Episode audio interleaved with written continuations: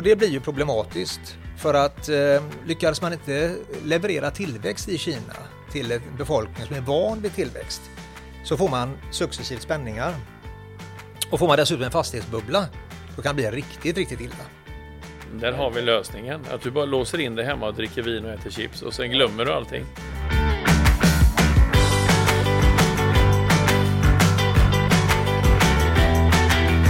Välkommen åter till ännu en säsong av Containers and Entertainers. Givetvis så innebär det också att eh, Peter sitter här till höger om mig och eh, Linus vid min vänstra sida. Jag funderar lite på om ni skulle byta eh, plats. Hur, hur, hur tror ni det skulle bli på den?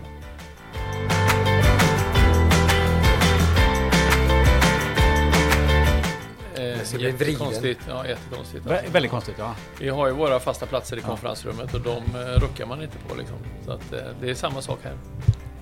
Ja, precis. Ja. Och vi har ju med oss Lars Gren igen.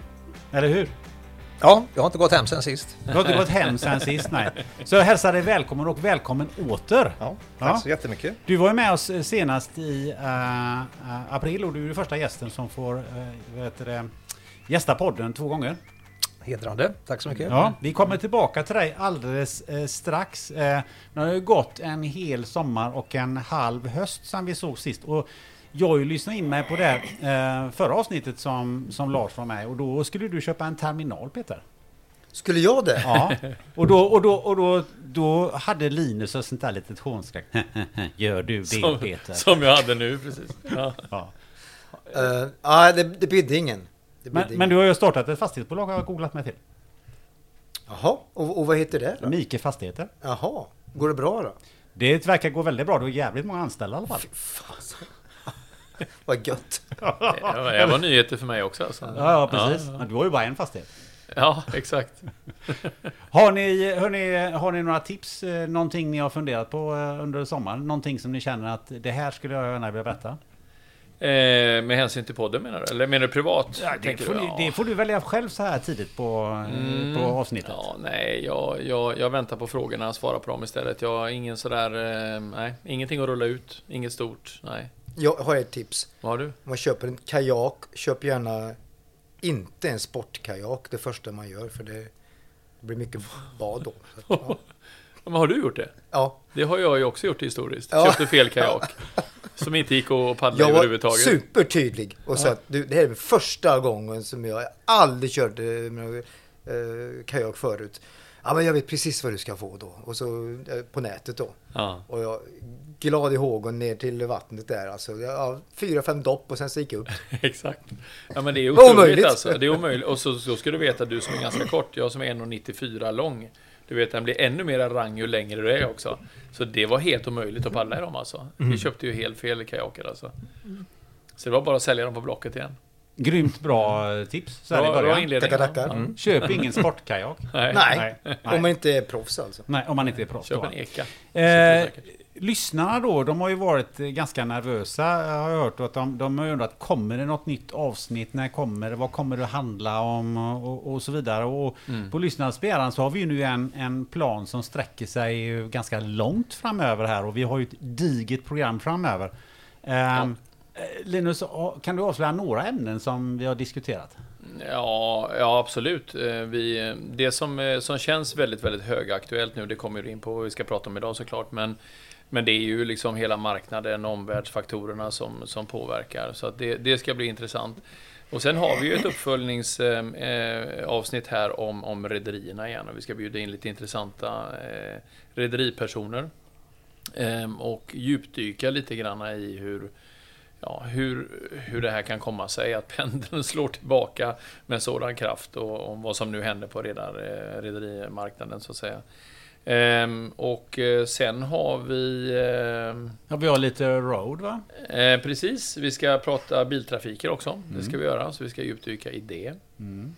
Eh, sen kommer jag inte på precis, men vi har en lång lista med saker. Ja, men, vi har en eh, lång lista av saker. Vi behöver inte avslöja ja, allting. Nej, nej, nej, nej. men det är en teaser. Men det kommer, det kommer mycket framöver. Mm. Ehm, en, när vi satt här sist med Lars så, så vet jag att jag har lyssnat in mig på det här avsnittet.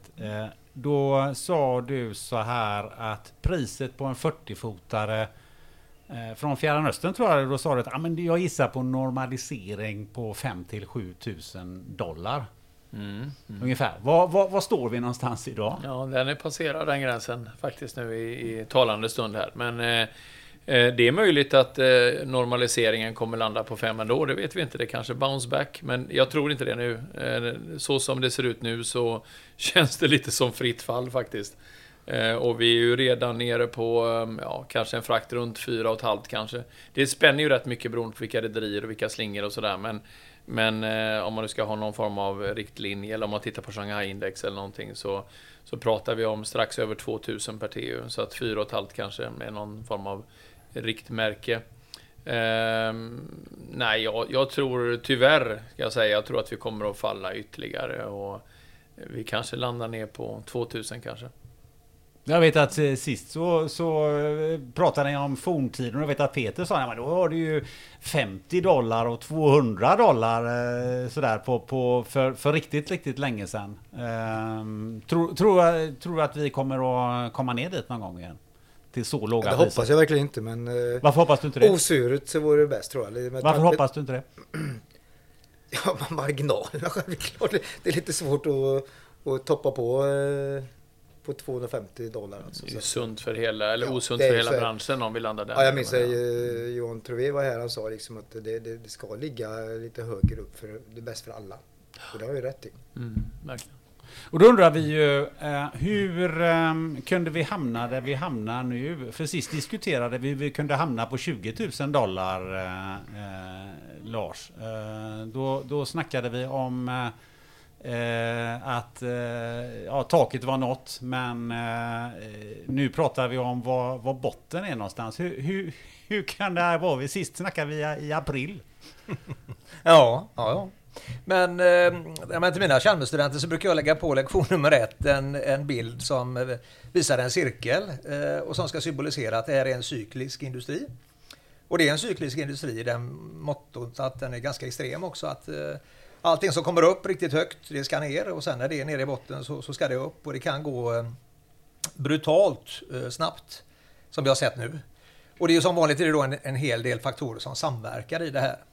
Och det har du gjort i det här fallet att ehm, pandemin har ebbat ut och själva containersystemet har blivit lite mer normalt igen. Och tidigare var 10 procent som man av alla fartygen mer eller mindre indisponibla för att man hade eh, covid. Eh, nu är det ungefär 5 procent och vi säger att vid årsskiftet så kanske det är 0 procent och då har vi liksom gått tillbaka till normalisering. Och, sen så är det väl så också att ehm, omvärlden har ändrats ganska mycket. Vi har ju haft det här kriget, vi kommer tillbaka till det naturligtvis. Och, Eh, optimismen för framtiden kanske har tagit sig en annan bild. Ehm, och eh, allt det här tillsammans gör ju att ehm, containerpriserna faller väldigt, väldigt kraftigt. Och, ehm, det är ju så att containerindustrin har aldrig någon gång prissatt sig mot sina kostnader, vilket är synd. Utan man prissätter sig alltid mot marknaden.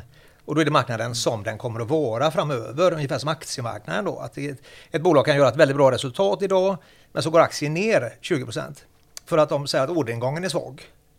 Um, och det är lite grann samma här, att det man nu ser framför sig här lite grann, det, det är en, en, en väldigt tuff period. Um, men inte heller det kunde jag ju, eller någon annan här tror jag, riktigt tro att vi skulle ha ett fall från februari då, eller något sånt där på 58 procent tror jag det eller 60 procent på Europe, eh, Asia Europe Trade och, och en 70, 75, 80 procent på Trans-Pacific Trade. Alltså det trodde vi ju inte. Och 10 procent nästan i veckan. Så fortsätter så här en 7-9 veckor till så är vi snart nere i, i eh, volymer som, eh, eller nivåer som vi hade 2018, 2019. Eh, vi ska ju då säga att du har ju tidigare under många, många år jobbat på NUK. Eh, och jobbar ju numera med omvärldsbevakning. Och den som vill lyssna in sig mer på Lars rekommenderar vi ju det tidigare avsnittet och de eh, spekulationerna vi hade då. Men jag tycker det är lite eh, spännande att du har ju döpt din omvärldsbevakning till Tansen av dem Vulkan. Varför det? ja, eh, nej men det är väl så. Vi har ett andra boende i Berlin ska jag säga då, så att eh, jag, jag är i Tyskland ganska mycket och i Berlin ganska mycket. Och, och det här kom väl sig av att jag fick, eh, jag läste lite historia här ungefär mm, hur det såg ut för hundra år sedan just i Berlin då. Ehm, som var en stad som ehm, hade börjat återhämta sig efter första världskriget och eh, men man hade då en, eh, man hade då en ekonomi som var besvärlig, man var på väg mot en börskrasch, man hade haft en pandemi som vi har haft här. Det hette spanska sjukan då, heter covid-19 nu. Ehm, man hade en omvärld då som var väldigt, Ryssland hade gjort sin revolution och det fanns massa sådana här omvärldsfaktorer som var. Men i just Berlin då så, så levde man väldigt mycket för dagen. Alltså man, man, man eh, dansade och festade nätterna igenom och så Eh, på ett ganska aningslöst sätt medan man då på dagen, lite omtumlande och bakfulla kanske, inte riktigt följde med vad som hände i omvärlden. För det var en, en ganska, ganska många mörka moln som drog ihop sig. Och då säger man det på tyska då att det var en tid som man brukar nämna då, alltså Tanz auf dem Vulkan. Alltså man dansade på vulkanens kant. Eh, och hade väldigt roligt på nätterna och kvällarna medan man då lite grann dagmässigt sett inte riktigt förstod vad det var som på, höll på att hända. Och då ehm, säger jag så i den här omvärldsbevakningen lite grann att jag, jag tycker mig kunna se och känna igen lite saker som händer nu i världen. Utan att nu vara för pessimistisk och verkligen inte hoppas att det går åt det hållet som det gjorde då. Men eh, jag tycker att det finns många saker som eh, påminner om det och därför har jag mm. döpt just den här eh, utgåvan då till Tansa av den vulkan. Vad, vad är det någonting speciellt som du tar fasta på där eh, när, vi, när det gäller att eh, dansa på vulkanens kant här? I det som händer just nu?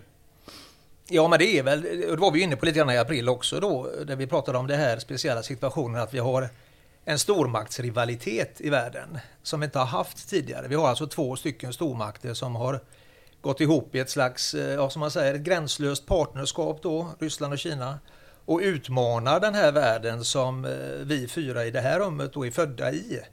Så att säga, som, som har funnits, den västerländska ordningen, sedan 1944 då. Sen andra världskriget nästan tog slut och det här Bretton Woods-avtalet som skedde då. Och eh, nu det, har vi två stycken stora supermakter som eh, vill utmana det här och säga att vi tolererar inte det här längre och slår till sig ihop. Och då får vi ju en spänning i världen som är av en helt annan dignitet än vad vi har haft i vår livstid. Och det är klart att eh, man kan blåsa upp det och man kan tona ner det, men vi har ju ett öppet krig i Europa också då i Ukraina. Och eh, jag tycker att det ser eh, väldigt allvarligt ut. Eh, och nu ska vi ju inte överdriva någonting, men eh, det finns signaler som jag tycker att många inte snappar upp, utan är lite, lite aningslöshet även nu. Mm. Och det eh, tycker jag är, i så fall är det, är det olyckligt, för jag tror vi ska vara väldigt vaksamma just nu på de närmsta sex månaderna. Mm. Vad tänker eh, Peter och Linus kring dansa på ja, vulkanens kant? Ja, nej, men jag, jag delar absolut de här eh, spaningarna och den uppfattningen att det, det, det är för många omvärldsfaktorer som samspelar nu. Alltså det är för mycket saker som händer samtidigt. Mm. Eh, och eh, en, en pandemi en och alena, det är nog med bekymmer att reda ut det och vilka konsekvenser det får ja, för världsordningen och för, för naturligtvis vår bransch om man ska dra det ner till transport, logistik liksom, och handel. Eh, men men de, här, de här stora sakerna, det, det, är så svårt att förutse vad konsekvenserna blir av detta och hur det påverkar. Jag tänker på alla, alla eh, personer som sitter i styrelserum eller i ledande befattning och ska ta beslut om hur man ska driva verksamheten framåt. Och ska man gasa eller bromsa? Vad ska du satsa på? Det, där utmanar, alltså det är ju nästan en omöjlighet att ta stora, de här stora besluten tycker jag. Man lever lite mer i det, i det korta perspektivet. Man, man ser lite grann, kanske inte dag för dag, men månad för månad. Och det klimatet som vi har nu, det är ju inte alls detsamma som var bara innan sommaren för några månader sedan. Så att det tycker jag är, det har inte jag heller varit med om riktigt under de 35 åren eller vad man nu har jobbat. Så att eh, nej, det, det är en, eh, en ny världsordning känns det som verkligen och, och en, en, en, en, osäkerhet. Så är det verkligen. Vad säger du Peter? Nej, jag håller ju självklart med och det finns mycket man kan eh, dra likheter som Lars säger med, med Adolf och, och Putin och allt vad det, vad det innebär. Men, men det, det, det som är det, det händer så mycket så nära en också med inflationen med och allt vad det är. Men precis, och elpriser och det är med andra och det är dagligt och det är svårt det för gemene man att klara sig. Alltså det, det, det, är inte bara det stora utan även det lilla som, mm. som man, man måste ha öga på hela tiden. Så det, det, det, är, det är konstiga tider vi lever i och jag tänker på ungdomarna som, som kom ut i vuxenlivet i den här perioden mm. och vad tufft de har det alltså. Och vad, vilken, mm. vilken svår balansgång de har alltså. Mm. Så att, ja. Mm. Sist eh, så, eh, för att avrunda det här med, med rederier och, och så vidare och, och eh, priserna på 40-fotare. Jag vet att Lars, vi pratade om att eh, rederier skulle bli eh, reditörer och speditörer skulle spederier. Eh, och, um, hur tror du att det låter nu i eh, styrelserummen hos de här bolagen? Det låter nog inte så annorlunda. Jag just när det gäller den strategiska inriktningen. De har nog ganska samma riktning. Men jag tror att eh, eh om naturliga skäl av anledningen som vi just pratade om här, och den här osäkerhetsfaktorn, de här eh, enormt många olika faktorerna som nu påverkar världen, så tror jag det har blivit lite, mm, lite mindre liksom, lättsamt i styrelserummen. Eh, de har ju en god eh, påse med pengar att vila huvud, huvudet på så att säga, men eh, de går nog och knaprar valium lite grann i korridorerna. För att alltså nu börjar det skaka till lite grann. Och nu är det en resa neråt och ingen vet riktigt hur långt den resan kommer att nå, hur snabbt den kommer att gå och hur länge den kommer att vara där nere. Mm. Och det är klart under tiden som man har köpt på sig här nu ganska duktigt då med fixed assets. Man har köpt på sig flygbolag, man har köpt på sig flygplan, man har köpt på sig warehouses, eh, många lådor runt om i världen och företag och så vidare. Och eh, blir man stående med dem i ett läge som blir en långvarig nedåt eh, recession så är det klart att då eh, rinner det pengar fort. Va? Men jag tror inte att man eh, är sådär jättepaniksnagla om sin övergripande strategi. Den tror jag man försöker hålla. Jag, jag, tänker lite grann på det. Jag lyssnade också lite grann tillbaka på förra avsnittet där och eh, vi pratade just om det här med att rederierna har fyllda skattkistor nu och så vidare och det kommer man behöva för framtiden. Och, eh, om jag vill minnas rätt så, så var eh, konklusionen där att de skulle använda pengar på dels att förbättra sina balansräkningar Eh, som har varit eh, eh dragna i, smutsen i 30 år eller 40 år. Eh, och sen så investeringar i miljö, omställningen pratade vi om och sen så IT och eh, att, att, att investera i bättre IT-infrastruktur. Tror du Lars att så som världen ser ut nu, att man prioriterar annorlunda än de tre? Nej, det tror, jag, det tror jag nog inte att man gör. Jag tror man försöker hålla fast i de tre i stor utsträckning. Men jag tror att man eh, kanske kommer att få omfördela lite grann sin, eh, sina resurser och eh, titta på tidsperspektivet lite grann. Eh, men i grunden så tror jag nog inte det. Jag tror att man håller kvar i de där tre ståndsdelarna primärt. Alltså. Mm. Mm. Jag tror att den här fossilfria världen som vi alla försöker att nå till och så vidare, den inser ju många nu att den är kommer inte att gå så fort. Eh, mm. Men däremot så är målet ungefär detsamma. Va? Vi ska kunna göra oss oberoende av kanske olja och gas och sånt här på, på, på sikt. Eh, och kol framförallt. Men eh, att, att det inte kommer att gå med den hastigheten eh, och att man därmed kanske kommer inte heller att riktigt ekonomiskt sett ha förmåga att lägga så mycket resurser på det för stunden. Nej. Nej. Men ambitionen tror jag absolut finns kvar. Mm. Mm. Eh, jag vet ju det Lars att eh, sist vi eh, snackades vid inför det här avsnittet så, så sa du till mig så att du har två viktiga saker som du tar avstamp i, det vill säga Kina och säkerhetspolitiken. Ska vi ta och titta lite grann på dem? Om vi börjar med, med, med Kina, vad, är, vad, har vi, eh, vad har vi att tänka på där? Ja, det är ju ganska många faktorer. De har ju en del att brottas med Kina får man ändå säga. Nu ska ju, vi kommer till ett väldigt viktigt datum här i oktober, den 16. Nu vet jag inte när det här ska släppas, det kanske släpps då det här avsnittet. Men den, mm. den 16 ska ju president Xi då väljas om då för ytterligare en tredje termin i um, femårsperiod i Kina och det är ju exempellöst, det har inte hänt tidigare. Och innan dess så um, tror ju då många bedömare att uh, då ska det inte läcka ut för mycket dåliga nyheter fram tills dess. För att det är inte, inte hans intresse så att säga. Så att det är nog ganska mycket locket på. Men annars så har ju de eh, ganska tufft eh, utmaningar här nu. Dels har de den här covid zero policyn för covid. Som gör att de väldigt snabbt stänger ner samhället. Och det är ju till eh, risk eh, och fara för både omvärlden och de som lever i Kina. De har en demografi som är problematisk, väldigt snabbt stigande befolkning åldersmässigt sett. Um, alltså de blir äldre? De blir äldre och mm. de blir färre.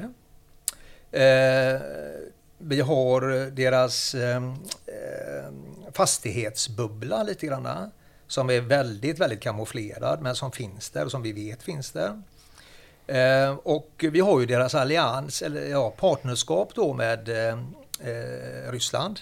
Och så har vi en sviktande tillväxt i ekonomin. Va? Alltså nu är Världsbanken förra veckan kom med siffror på 2,8 procent på eh, tillväxt i Kina för nästa år. Och 2,8 procent har inte vi sett sedan 1990 i Kina. Och för ett år sedan så var det 8,1 procent. Så nu för första gången sedan 1990 så kommer Kinas tillväxt att vara lägre än de sydostasiatiska tigrarna som man kallar Thailand, Malaysia, Indonesien och Singapore för. Som kommer ligga uppe på 5 procent. Så att vi får alltså ett eh, kommunistparti i Kina som får mycket, mycket svårare att hantera sin ekonomiska situation. Och det blir ju problematiskt. För att eh, lyckades man inte leverera tillväxt i Kina till en befolkning som är van vid tillväxt så får man successivt spänningar. Och får man dessutom en fastighetsbubbla då kan det bli riktigt, riktigt illa. Mm. Så att jag tror att eh, efter den 16 eh, så är ju tanken att det här ska levereras ett form av ekonomiskt program. Och sedan ska det ratificeras i mars någon gång på nationalkongressen. Eh, och fram tills dess så tror jag att vi kommer att få väldigt intressanta signaler, kanske redan i eh, oktober-november, på hur, hur president Xi kommer att vilja göra detta. Kommer han vilja göra det här på mer auktoritärt sätt, ett hårdare grepp på samhället, så som exempelvis Zero Covid-19 policy? Eller kommer han att anse att ekonomin blir så viktig så vi måste, vi måste släppa på vissa saker för att eh, skapa ekonomisk större frihet och öka mm. handeln. Och, och, då har man ju två stycken vägar att gå här. Han kanske kommer att gå ett mellanläge, ingen vet ju. Så, så där blir Kina väldigt intressant att följa. Någonting jag funderar på här eh, direkt är ju så att när, när, det, när man får problem inne i ett land så vill man ju gärna hitta yttre fiender. Eh, vi har ju redan sett eh, spänningarna gentemot Taiwan. Ja. Och det är väldigt, mm. eh, väldigt klok kommentar. Och det är ju lätt så att det blir på det viset. Så kanske det har varit delvis i Ryssland, eller till stor del i Ryssland också. Man vill ha en extern motståndare där. Eh, eller hotbild och målar upp en hotbild då. Och eh, då har vi den här Taiwan-situationen då som, som är extremt känslig naturligtvis. Eh, Nancy Pelosi var i, var i Taiwan då och ehm, efter det så har ju också USA tagit ett antal beslut då när det gäller halvledare och semikontakter och så vidare att liksom stärka upp eh, oberoendet ifrån eh, både Taiwan och Kina för övrigt. Ehm, men, men, men det är ett väldigt, väldigt känsligt läge och på första sidan på den här bild, eh, omvärldsbevakningen så är det just eh, en bild på två stycken eh, stridspiloter då, som tittar ner över Taiwansundet. Um, och det kan ju tyckas vara väldigt lite maritim känsla i det när det var två stridspiloter. Men det ska symbolisera den här känsliga delen som finns där. Och skulle nu Kina ge sig på uh, en invasion utav uh, Taiwan, då menar jag på att då har vi inte längre ett uh, tredje världskrigstillstånd utan då har vi förmodligen ett tredje världskrig. Och det kan ju låta dramatiskt, men det är väldigt dramatiskt. Enligt mitt sätt mm. att bedöma. Mm. Vad tror du kommer hända med covid-restriktionerna? Kommer de släppa dem då? Ja, det är en bra fråga också. det är svårt att säga det. Men man har inte gjort det hittills. Va? De har varit väldigt envisa och vill ju inte råka ut för den situationen att det ska komma en epidemi, det ska dö eh, många äldre människor och de, befolkningen ska kunna säga att eh, det här har skett på grund av kommunistpartiets misstag. Man vill inte hamna i den situationen. Eh, så jag tror inte att man kommer att släppa på det förrän fram i mars, april nästa år när vi har eh, liksom eh, influensa, eller ja, den här säsongen förbi lite grann. Mm. någonting man kan fundera på då, hur påverkas resten av, av Asien av det här? Vi har ju hört att många bolag, bland annat Apple, flyttar en del av sin tillverkning exempelvis till Indien och, och så vidare. Vad, vad, ser du där? Jo men det sker ju. Det har skett under en eh, lite längre period i tysthet att man har försökt att, som man säger, dekappla ifrån Kina lite grann och, och flytta sin produktion. Mycket har ju skett ner till Vietnam. De har ju haft väldigt starka tillväxtsiffror på senare eh, år. Och eh, en del har skett till Indien, en del har skett till angränsande länder och så vidare. Men eh, det där är ju inte alldeles enkelt med tanke på att Kina har varit en dominant faktor i det här med produktionssystem och tillgång till råvaror och så vidare. Så att, eh, men det sker och jag är övertygad om att det kommer att accelerera. Och Business Sweden har kommit ut med, och vi har med det i vår omvärldsbevakning också, med en rapport som visar på hur många svenska bolag det är som redan har börjat förflytta sin produktion och var de lägger den någonstans.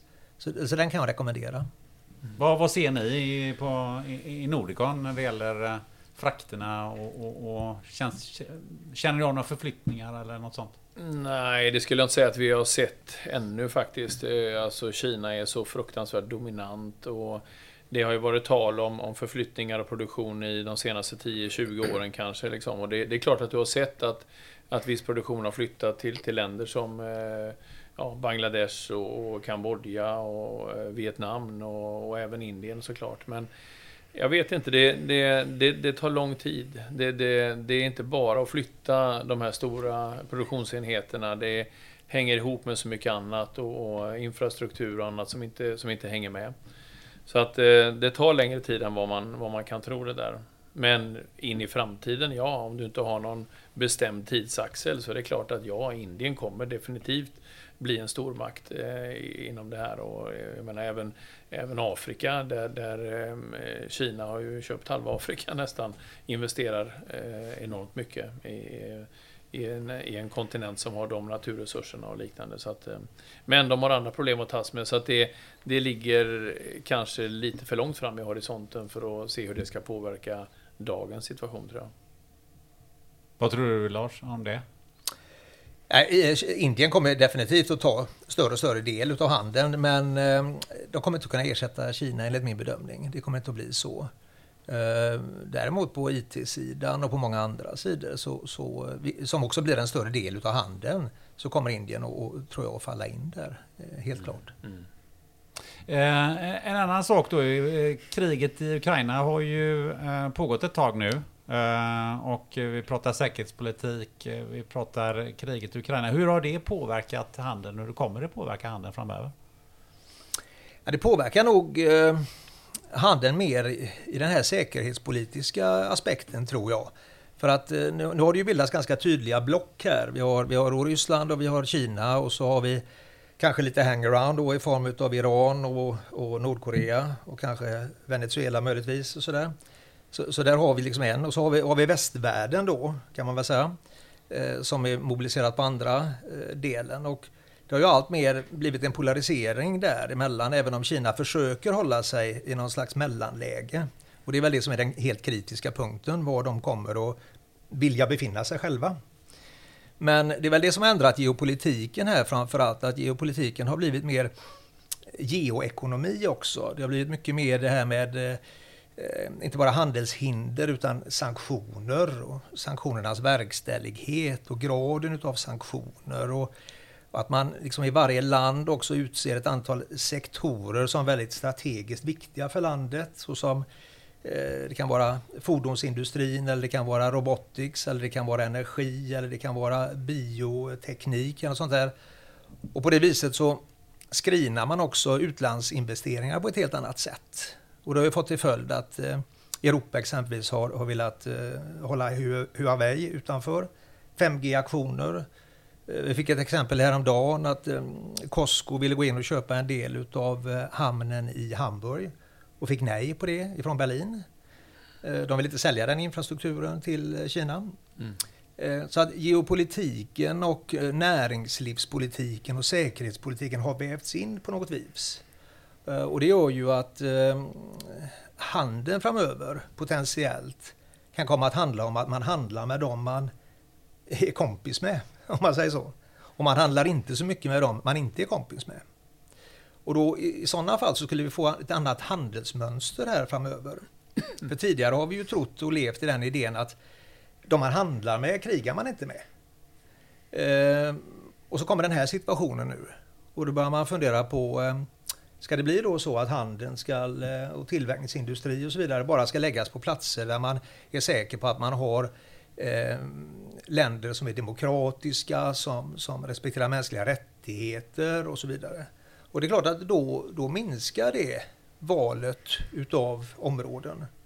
Och plötsligt så dyker det upp ett nytt handelsmönster i världen. Va? Och det är väl det som nu har börjat skönjas här. Mm. Ehm, och, och, man kan ju tänka sig att om Kina vill stå kvar på det viset de står så kan ju USA vid något tillfälle säga till Europa att nu har vi gjort sådana enorma vapeninsatser i Ukraina och sådana enorma ekonomiska insatser. Så nu vill vi att Europa ska följa oss i våra sanktioner med Ryssland och Kina. Och plötsligt har vi ett helt nytt eh, handelsmönster. Va? Och det är den här osäkerheten och de här spekulationerna lite grann tror jag som gör idag att, att folk eh, är väldigt eh, eh, oklara över mm. hur affärslandskapet ser ut och hur det kommer att utveckla sig. Men är det någonting jag funderar på, är verkligen Kina och, och Ryssland så lerade? Och för säkert när det går bakåt för Ryssland, är, är Kina så himla sugna på att eh, lera sig med, med en stat som dessutom är, liksom, har ju nått någon sorts skurkstatsnivå eh, bland hela västvärlden? Nej, jag tror inte man vill liera sig med dem. Eh, men det är ju min eh, personliga uppfattning. Det tror jag inte man vill. Men man delar ju eh, aggressionen mot USAs dominans i världen. Man vill ju, varken Ryssland eller Kina vill tillåta att det ska finnas ett system i världen som domineras av internationella valutafonden, Världsbanken, dollarn och så vidare. Utan de vill få, ett, de vill få spelregler som är annorlunda än vad de är idag. Och det är klart att det förenar Ryssland och Kina. Men jag tror inte, som jag upplever det, att Kina står bakom allting som Ryssland gör. Det, det tror jag absolut inte. Nej. Tankar? Ja, herregud, det är mycket att tänka på här alltså med, med eh, en, en sån stor och bred eh, omvärldsspaning. Absolut, det är det ju. Ehm, och eh, jag är lite inne grann på vad du säger också Gunnar, där liksom att det med, med Ryssland och Kina, ja de är ju de är eh, vänner och buddies på vissa områden men i, på vissa områden inte. Och, ja, man får ju också känslan av att Kina intar en neutral hållning i många frågor också för att inte stöta sig åt varken det ena eller andra hållet. Då. Eh, men eh, jag tänker lite grann när vi pratar om det här med, med transportmönster och handel och så vidare, när vi ändå pratar om det så är det ju, där är det ju eh, politiken eh, som styr väldigt mycket i det du är inne på Lars. Eh, eh, men jag tänker också på de här liksom, efterdyningarna ifrån eh, hela covid eh, och eh, det faktum att man ser att producerande enheter i till exempel hela Europa är så sårbara när vi handlar väldigt mycket varor långväga ifrån. Eh, och att Kina, vi är så beroende av Kina och att den infrastrukturen fungerar, att logistik och transportmönster fungerar. Man är väldigt, väldigt sårbar. Alltså räcker att du sätter ner en blockering i Suezkanalen så förstår alla vilka konsekvenser det får. Alla, alla vet nu vad som händer när man ruckar på hela det här logistikmönstret då. Och kommer inte det driva på en än kraftfullare eh, förflyttning av producerande industri? Till närområdet där man verkar. Sådana tankar har jag. Ja, men det tror jag delar den uppfattningen Linus där och eh, jag tror att det kommer att eh, accelerera de tankarna och man kommer att eh, försöka minska sina risker. Mm. Man kan inte längre ha en leverantör som bara, bara finns i Kina, man får ha fler leverantörer. Ja. Man kanske inte kan ha ett enda transportsätt eller transportväg, man måste ha flera olika transportvägar. Mm. Men sen finns ju också tanken på att man eh, kan sprida ut sig på många fler eh, leverantörer, alltså diversify väldigt mm. brett. Mm.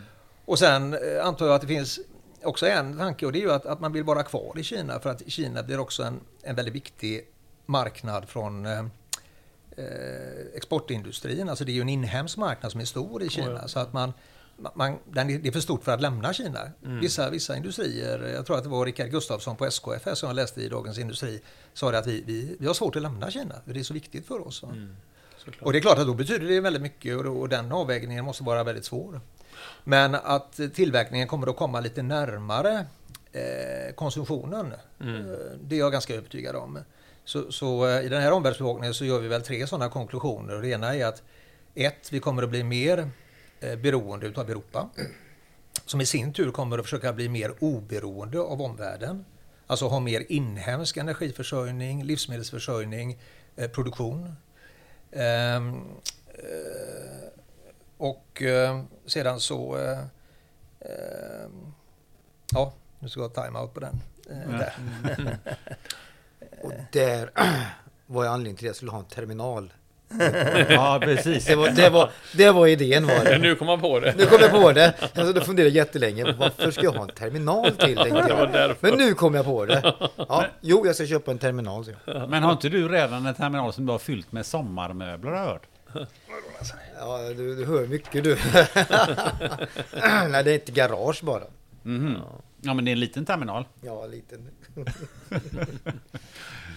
Men det, här, det här är ju spännande Ja. eh, vinklingar, alltså när man, när man vä väger in så många av de här faktorerna i, eh, i beskrivningen utav vad som de facto påverkar oss inom den här näringen, liksom. inom hela transportlogistiknäringen, så är det ju, det är ju ganska fascinerande alltså hur eh, eh, Eh, för många gånger så tror jag att du, du, du, du, du tittar och analyserar i det, i det lilla, liksom, i din närmarknad, vad som direkt påverkar din, din verksamhet, oavsett om du sysslar med, med båtar eller bilar eller tåg. Liksom. Eh, och, och det här som, som vi pratar om nu, som, som eh, Lars eh, eh som breddar hela synen på detta. Och Jag tycker det är otroligt spännande att man, man kan liksom, man får börja tänka i de banorna. Vad är det egentligen som påverkar det som påverkar, som påverkar oss i kanske tre, fyra lager på något sätt. Va? Och det tycker jag är fascinerande. Alltså. Ska vi släppa in det där igen Lars? Ja, Ja. kom igen. Eh, och det andra biten tror jag är eh, att vi får ett närmande till USA. Alltså Europa och USA knyts närmare handelsmässigt sett. Och eh, möjligtvis så drar USA också Japan och Sydkorea med sig. Så där har vi också ett handelsmönster som kan utvecklas. Och idag har det ju varit väldigt Kina-orienterat de senaste åren. Va? Så alltså jag tror att det blir mycket mer Europa inhemskt eh, beroende. Vi får ett närmande till USA, eventuellt Japan, Sydkorea. Och de här globala varuförsörjningskedjorna eh, börjar demonteras lite grann.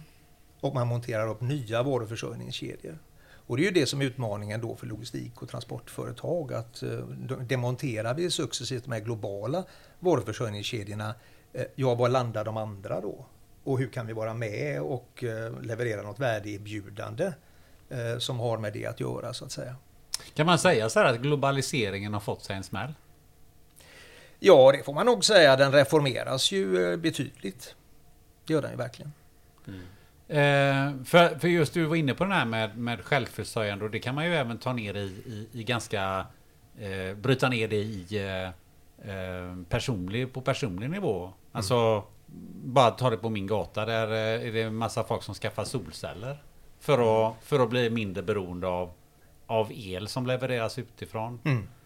Alltså det känns som att eh, det, det, man på något sätt krymper ner och, och eh, alla försöker bli lite mer självförsörjande på, på lite olika sätt. Mm.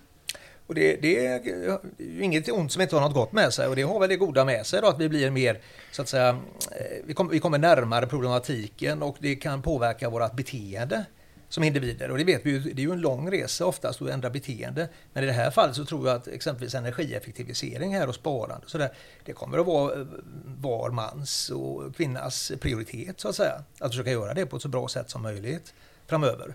Jag tror att hela den här vintern kommer att präglas utav det egentligen. Så att eh, absolut, den delar jag.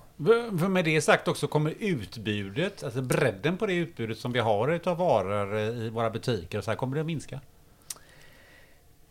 Ja, jag jag skulle ju vilja tro det med tanke på att vi har en sådan eh, situation med energi, med livsmedel, med inflation och så vidare. Så det är klart att konsumtionsnivån i en sådan miljö känns ju inte som den ska accelerera.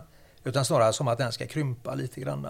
Eh, och eh, då ser vi väl det. Vi ser ju signaler från e-handeln som är ganska dramatiska och har varit de senaste 3-4 månader. Vi ser att 28 procent utav butikslokaler i Stockholm står tomma. Ehm, alltså risken är ju att vi kommer att få en acceleration och en, en, kanske en för stor oro i samhället som kommer att bli en av viss paralyserande effekt. Eh, och, och det får vi försöka undvika. Va? För att eh, hur mycket det än finns av oroväckande signaler och så vidare så, så är det ju så att eh, det är ju ingenting utav det här som i dagsläget i alla fall säger att det är något slutligt definitivt på konsumtionssidan. Utan att vi som individer ska fortsätta att kunna leva ett någorlunda drägligt liv. Alltså. Mm. Men konsumtionen kommer ju att få sig en törn. Jag menar, det är klart, nu gör man ju allt för att stävja inflationen.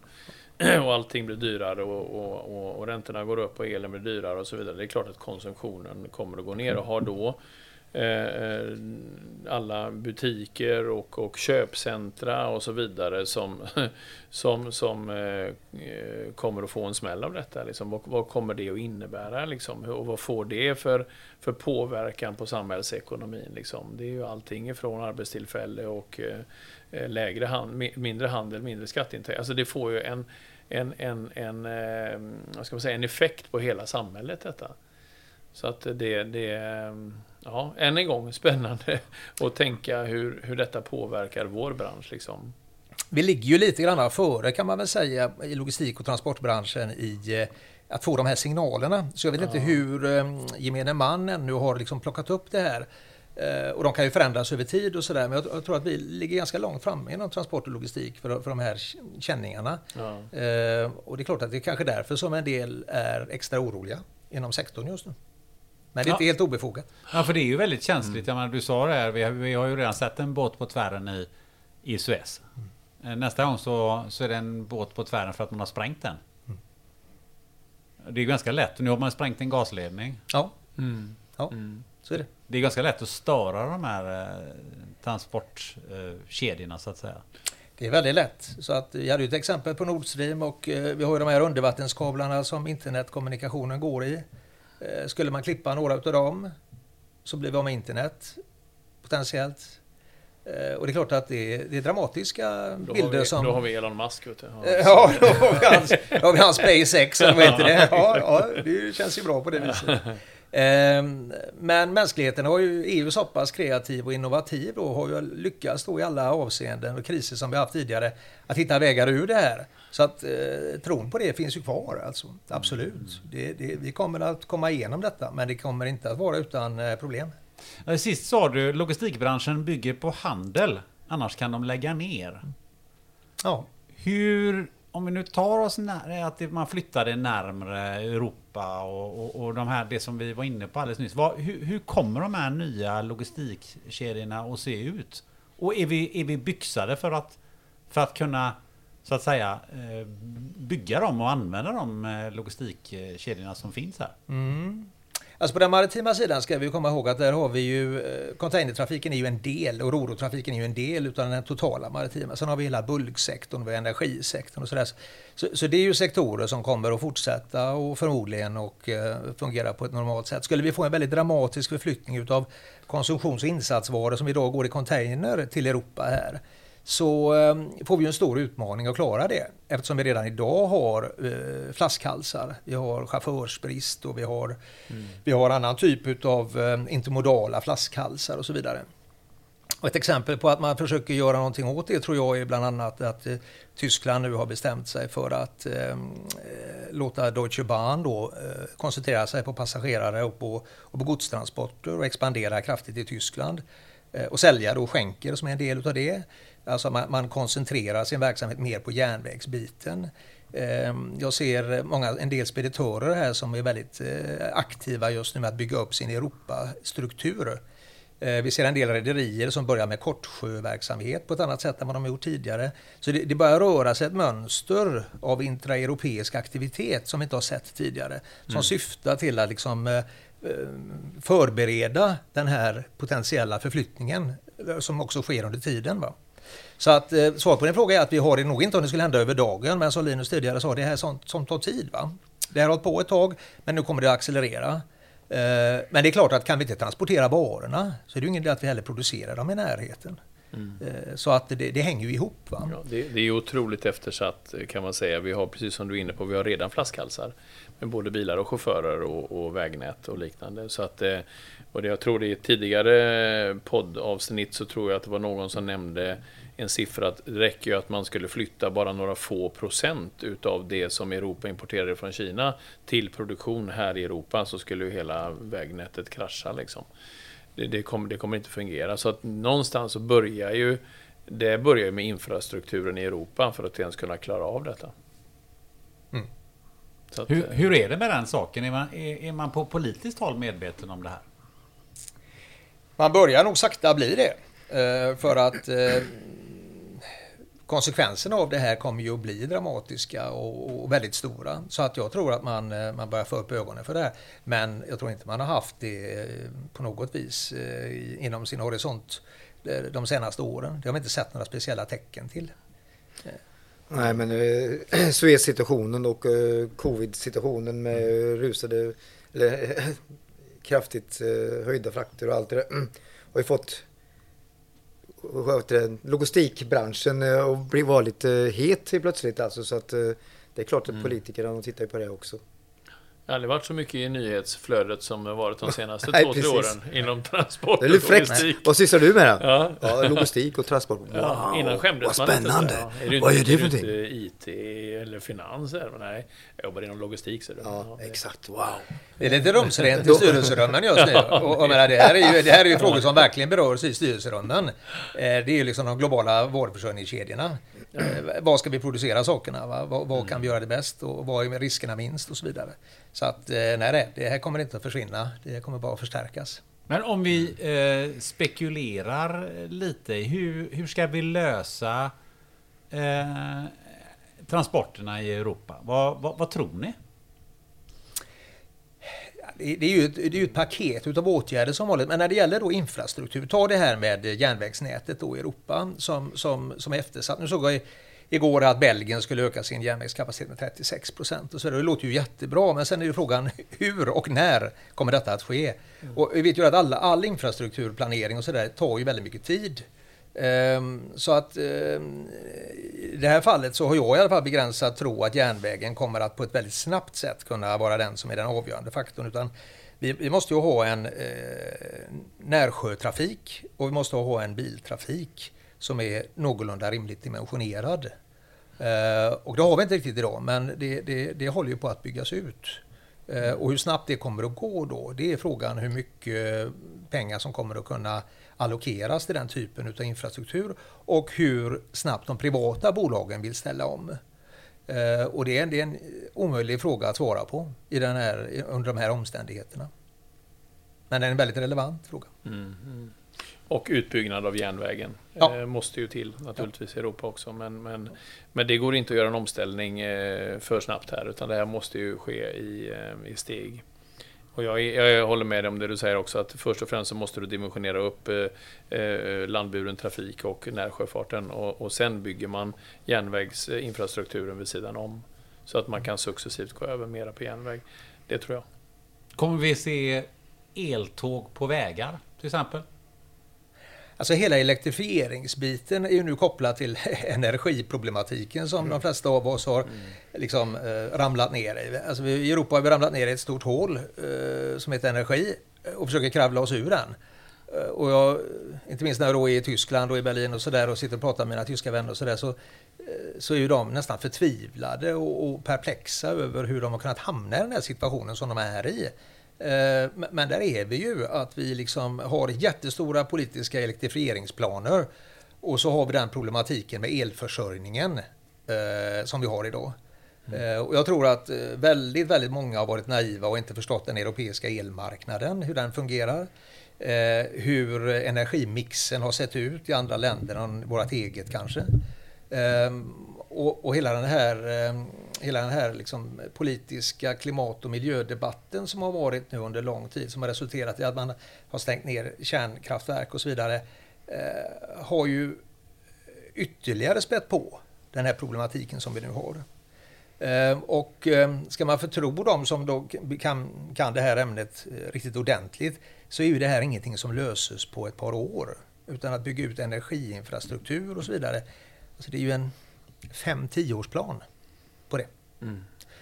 Och jag tänker på det som hände med Nord Stream här och den här undervattensexplosionen och så vidare. Vi, vi pratar om marin vindbaserade eller havsbaserade vindkraftverk, men där ska ju gå energikablar in till land.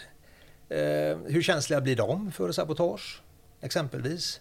Eh, alltså det kommer upp frågor nu i kölvattnet av det som händer som gör att eh, jag tror inte att hastigheten som vi kommer att lösa den här elektrifieringsbiten kommer att eh, bli annat än förlängd. Det kommer att ta tid här. Det kommer att bli en lång resa. Det man kan fundera på lite det är ju att man har pratat om elektrifiering och, eh, och hållbarhet och miljö ganska länge och har, gjort ganska konkreta planer på att 2030 ska vi inte ska vi vara klimatneutrala och 2050 och så vidare. Men det hade man ju ganska enkelt oaktat då Ukraina-kriget kunnat räkna ut att ja, men behöver vi tre gånger så mycket el. Mm. Eh, var ska vi få den ifrån? Mm. Det känns som att man inte har ställt sig den frågan riktigt. Nej, men det där är ju, lång, det är ju långa, eh, långa planer också som du säger. 2030, 2050, 2060 liksom. Och, och nu händer ju kriget och, och explosionen av Nord Stream och där man ser hur sårbar hur, hur sårbara alla länder är. Det händer ju så här. Så det är klart att du har inte ens kommit dit. Det ligger i plan. Men, men eh, nu så får man ju liksom inse hur sårbart detta är och de här planerna kanske behöver skjutas ännu längre på framtiden. För jag tror inte man kommer nå de här klimatmålen eh, och miljömålen, omställningen till el och liknande så här snabbt. Utan det kommer att vara en begränsning här. En tanke som, som har slagit mig lite grann där. Vi, jag vet att du varit inne på någon gång med, med robotisering. Och, och tillverkning. Och eh, med robotisering så kan man ju tillverka exakt det som man är beställt. Det vill säga att man behöver inte frakta mer än det som faktiskt någon har köpt om man i, i den bästa av världar. Kan det också vara en del i den, i den omställningen som vi kommer att, att se?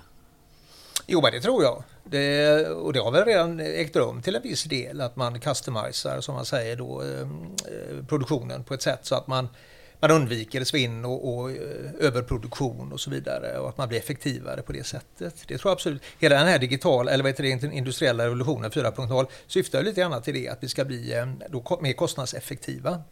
Men för att komma tillbaka till det som vi pratade om tidigare med energin där också, att och göra den här kopplingen till robotisering. Jag tror, att, jag tror att politiken kommer att få ett stort dilemma här och det är lite grann att välja mellan, ska man försvara det ekonomiska systemet som vi har eh, eller ska vi göra den här omställningen till det fossilfria samhället? Och det kanske inte behöver vara antingen eller eller svart eller vitt, men hur ska mixen se ut där? För att om vi inte håller kvar vårt ekonomiska system någorlunda stabilt, eh, då har vi också sedan svårt att ställa om överhuvudtaget, för vi har inte de ekonomiska resurserna. Så att jag, jag tror vi kommer att komma in i ett eh, svårt mm. dilemma med de här målen som är satta och någon har satt de här målen 2030 och 2050. Och exakt hur vetenskapligt satta de är, det vet inte jag. Men eh, det är möjligt att man får titta på att justera dem. Om vi ska prioritera de ekonomiska, det ekonomiska systemet som vi har. För ska det ekonomiska systemet fallera, vilket förmodligen är vad Kina och Ryssland hoppas på, då är det ju game over. Vad menar du med att det ekonomiska, ekonomiska systemet fallerar?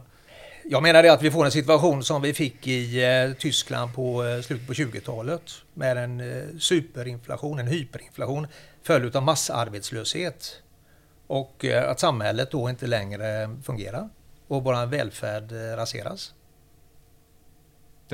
Jag kan flika in där en, en liten eh, eh rolig historia eh, från min far som jag intervjuat som fortfarande är i livet som, som född 1927 och han berättade om att eh, några år innan han föddes så hans, hans, far, eller hans farsa eh, använde då pengar eh, att, för att tapetsera ett rum. Det var billigare att tapetsera med pengar än att köpa tapeter. Alltså. Jag snackar för hyperinflation. Otroligt. Ja. Helt otroligt. Eh, men allt det här, eh, Linus och Peter, vad, vad, vad ser ni utifrån eh, ert perspektiv? Vad, vad, vad, vad har vi samlastningen eh, framöver i det här? ja, vad passar den in i det här? Ja, vad passar in den in i det här? Ja. ja det finns en, en liten del som vi pratar om då och då. Att genom många kriser som vi har varit med om, för vi har ändå varit med länge vi, vi är ju så gamla då. Så, så just samlastningsdelen, alltså styckegods, har klarat sig bra. Uh, Fullcontainersidan å andra sidan, och säger K-transporterna här då. Så där har ju tappat, de har rederierna tappat mycket men att uh, det blir alltså det importeras och exporteras mindre poster än massa containers. Så samlastningen, ja, peppar peppar, hållit sig bra under tiden alltså. Mm. Vad tror du Linus? Ja, ja, ja, eh, det här poddavsnittet blev ju väldigt eh, eh dystert. på sitt sätt. Och hypotetiskt Nej men, nej, men vi står ju inför en ganska så skräckinjagande framtid och det är så mycket som, som händer i vår omvärld. Eh, och det är väldigt, väldigt viktigt att lyfta det. Och sen ska man ju någonstans, eh, alla ni som lyssnar och, och vi som driver företag, man ska på något sätt omsätta allt det där ner till, eh, till sin egen skala och sin egen verksamhet. Och hur ska vi kunna eh, hur ska vi tänka för att ta de rätta strategiska besluten framåt för vår verksamhet? Så om, om, vi bryter ner det till det så är jag helt på Peters linje. Och jag, jag, är ju, jag är ju känd för att vara en obotlig optimistiker. Liksom. Även om det är bara svarta moln på himlen så försöker jag alltid se där solen tittar fram liksom, och så försöker vi liksom driva mot det.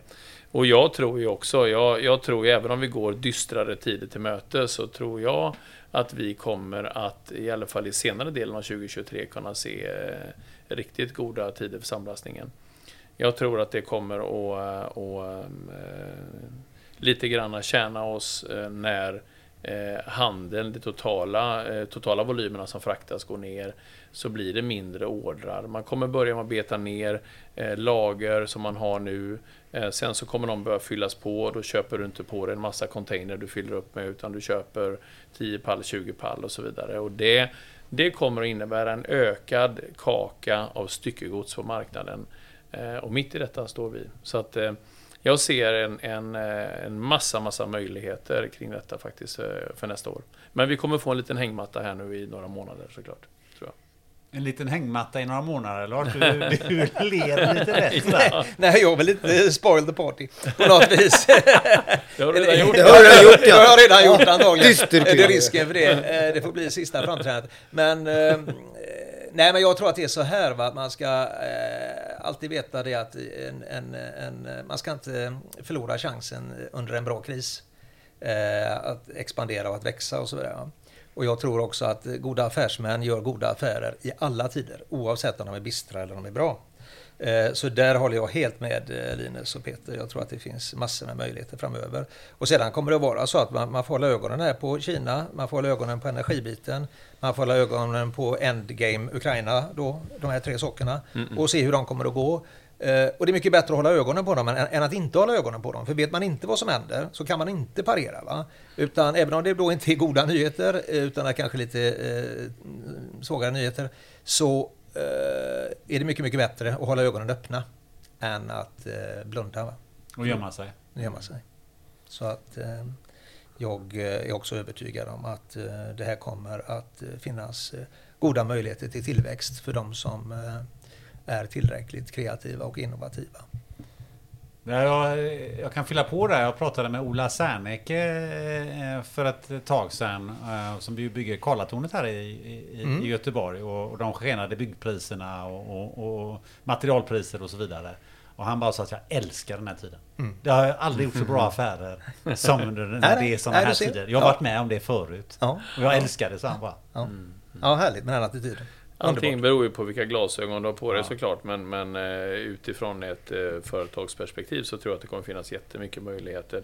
Rent privatekonomiskt så tror jag ju att det kommer bli en tuff tid framöver för väldigt många. Med, med uh, ja, skenande kostnader och mindre i plånboken och så vidare. Vi får tänka oss om vad vi spenderar våra pengar på. Så att, det beror ju lite grann på hur du ser på saker och ting. Men ja, mm. lite av båda. Jag tänker att eh, vi ska avrunda med, med eh, jag tycker Linus eh, sa det med, med att se ljusstrimman på himlen och, och de här grejerna. Alltså, låt oss göra det lite grann här, här på slutet. Det blir lite spekulativt, men ändå. Eh, alltså, låt oss säga så här att eh, Ukraina-kriget tar ganska snart slut. Ryssarna får på pisken och får, åka, och, får, får åka hem. Och så händer det vad det nu kan hända inne i, i Ryssland. vad, vad vilka nya solstrålar eh, kommer då? Vad, kommer att, vad ser vi framför oss? Ja, eh, den är svår, tror jag. Jag tror inte att det är odelat positivt. Eh, ja, det är positivt såklart om vi får ett slut på kriget. Det, det, det är självfallet så. Men en, en, pressad Putin vet jag inte riktigt vad han tar sig till heller. Så att, jag vet inte riktigt hur man ska... Ja, ja. Det, det, är jättesvårt att säga om det där, men Eh, jag tror väl, eh, som den optimistiker jag är då, att det, att det öppnas upp möjligheter och eh, att det, driver på samhällsekonomin i en positiv riktning igen och att det blir bättre tider, att saker och ting vänder till det bättre. Men det är för många faktorer som, som måste samverka här så att jag tycker det är jätte, jättesvårt att spekulera i det faktiskt. Jag menar, efter andra världskriget blev det ju en jätteboom. Marshallplanen i, eh, i, i framförallt i Tyskland gjorde att vi fick en, en enorm utveckling i, in, inom handeln. Vad, vad tror du Lars? Ja, det är ju de som säger att eh, vi behöver en Marshallplan i, eh, i Ukraina och att det kommer att komma en sådan den mm. dagen som kriget är över. Och det är klart att då kommer Ukraina som väl är, är det Europas näst största land eller något sånt där. Eh, alltså då kommer de få en fenomenal utveckling potentiellt. Så då plötsligt får vi en, och en närhet till Svarta havet och så vidare som gör att hela Centraleuropa kanske får en helt annan dynamik. Det kunde vara helt fantastiskt. Och vi kanske skulle kunna få en annan politisk ordning då i, i, eh, i Ryssland också som var av, eh, av lite annan karaktär än vad vi har nu. Eh, och vi kanske skulle få ett tillnyktrande då i Kina lite grann också då med en, en svängning till, till bättre stabilitet och en öppenhet och, och så som vi trodde att Kina skulle utvecklas när vi släppte in dem i WTO för 22 år sedan. Eh, och då plötsligt så är ju all, då är det ju klang och jubel. Alltså det är ju fantastiskt. Det är ju bara att blåsa på. Det tror vi på. ja, det tror vi på. Vad känner du Peter? Nej, jag är kvar på min terminal ja. Eh, och, och, och, för jag tänkte att det måste vara ganska billigt att köpa en terminal i Ukraina nu, vad tror ni? Och med du säger ju Lars, det var ju kanon att ha ett par terminaler där när det tar slut. Det behövs ju. Vad finns tror du Gunnar? finns det några terminaler just nu? Om man ska... Ja, nej nu ska det inte vara så. Men du, nej. Du väldigt långsiktig plan då tror ja. jag. Ja. En annan grej som vi eh, ju tycker är skrämmande men som kanske ger nya möjligheter är Nordpolen eh, smälter. Mm. Mm. Det är inte, det, det, är inte positivt ur ett klimatsynpunkt men, men, mm. men om vi ser det positiva på det då? Vad händer då? Nu öppnar du dörren till en väldigt stor diskussion tyckte jag här. ja, men eh, låt oss öppna den dörren då. Se, ja. Kom igen. Semesterresor, var det så du tänker eller? Ja, jag vet inte. Vad tänker ni? Katastrof. Det är klart. Det finns inget positivt vad, vad, vad, ser du för positivt det här? Nej, men jag tänkte på... Uh, nej, men jag, jag, jag tänker på så att frakterna blir ju nära över... Vi kan mm. köra på helt andra fraktrutter. Mm. Eh, du tänker att någon hel kontinent ligger under vatten så vi behöver inte gå omvägar med den? Nej, jag vet inte. Jag släpper ordet fritt. Vad tror du Lars?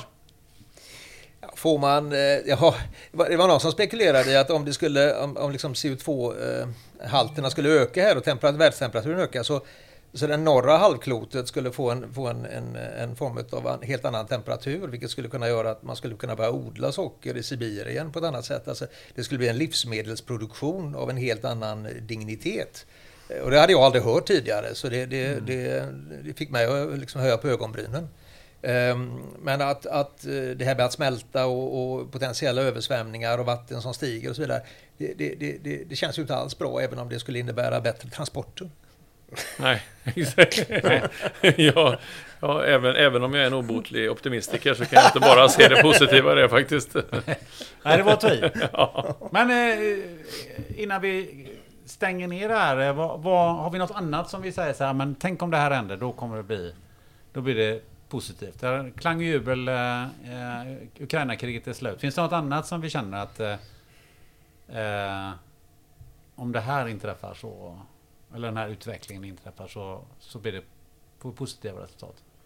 Nej, men alltså en, en, generellt sett en större stabilitet och, och eh, där man, där man eh, kan sia lite bättre om framtiden, liksom, där, där saker och ting är mer förutsägbara än vad de är just nu. För just nu så känns det väldigt, väldigt svårt och osäkert att mm.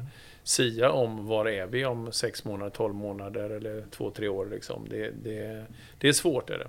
Så man, man eh, och det tror jag gäller alla, att man, man kortar ner sin horisont lite grann, både vad det gäller sin privata ekonomi eller om det gäller att driva ett bolag. Liksom. Jag tror att man har kortare horisonter för att de långa är så svåra att, att sia om. Mm. Så det tror jag. Mm. Vad känner du Lars? Ja, jag skulle nog eh, gärna se en innovation på energisidan så att man skulle kunna lagra energi och transportera energi på ett annat sätt. Jag tänker på, jag tänker på solenergi då, den, den fattiga delen av världen som har väldigt mycket sol. Tänk om de skulle kunna eh, liksom, samla energi där nere och på något vis lagra den och sedan sälja den till de länderna som, eh, som eh, har lite kallare klimat men som har bättre ekonomi så skulle vi också få en bättre fördelningspolitik och sådär. Så hade, hade det kunnat hända någonting på innovationssidan, på, eh, på energisidan. Eh, Det hade jag velat se. Jag tror på det. Energicontainers. ja. Nej, men helt ärligt alltså. Låt oss säga att du eh, sätter upp ett eget vindkraftverk och solpaneler på hela ditt hus. Och så lagrar du egen energi. Så har du en container som är som en stor ja, vad ska man säga? Dynamo. behållare av, eh, av eh, elektricitet. Liksom. Och den kan du lagra, den har du till eget behov och du kan sälja den och så vidare. Så gör alla så. Så mera utveckling av det. Lagra egen energi, jag tror det är bra. Vilken eh, IMO-klass eh, kommer det gå under tro? Ja, det är bra. Det är liksom en, ett, ett, ett fartyg fullt med laddade dynamos. Det känns ganska riskabelt alltså. Ja, ja. men det finns säkert sätt att transportera. eh, Det behöver inte frakta dem i container. Jag tänker mera för inte vet jag, du, du laddar upp en container, elcontainer och sen så ska du eh, starta ett bygge mitt ute i skogen någonstans. Så kan du bara ställa den där och så kan du eh, ha el där du befinner dig.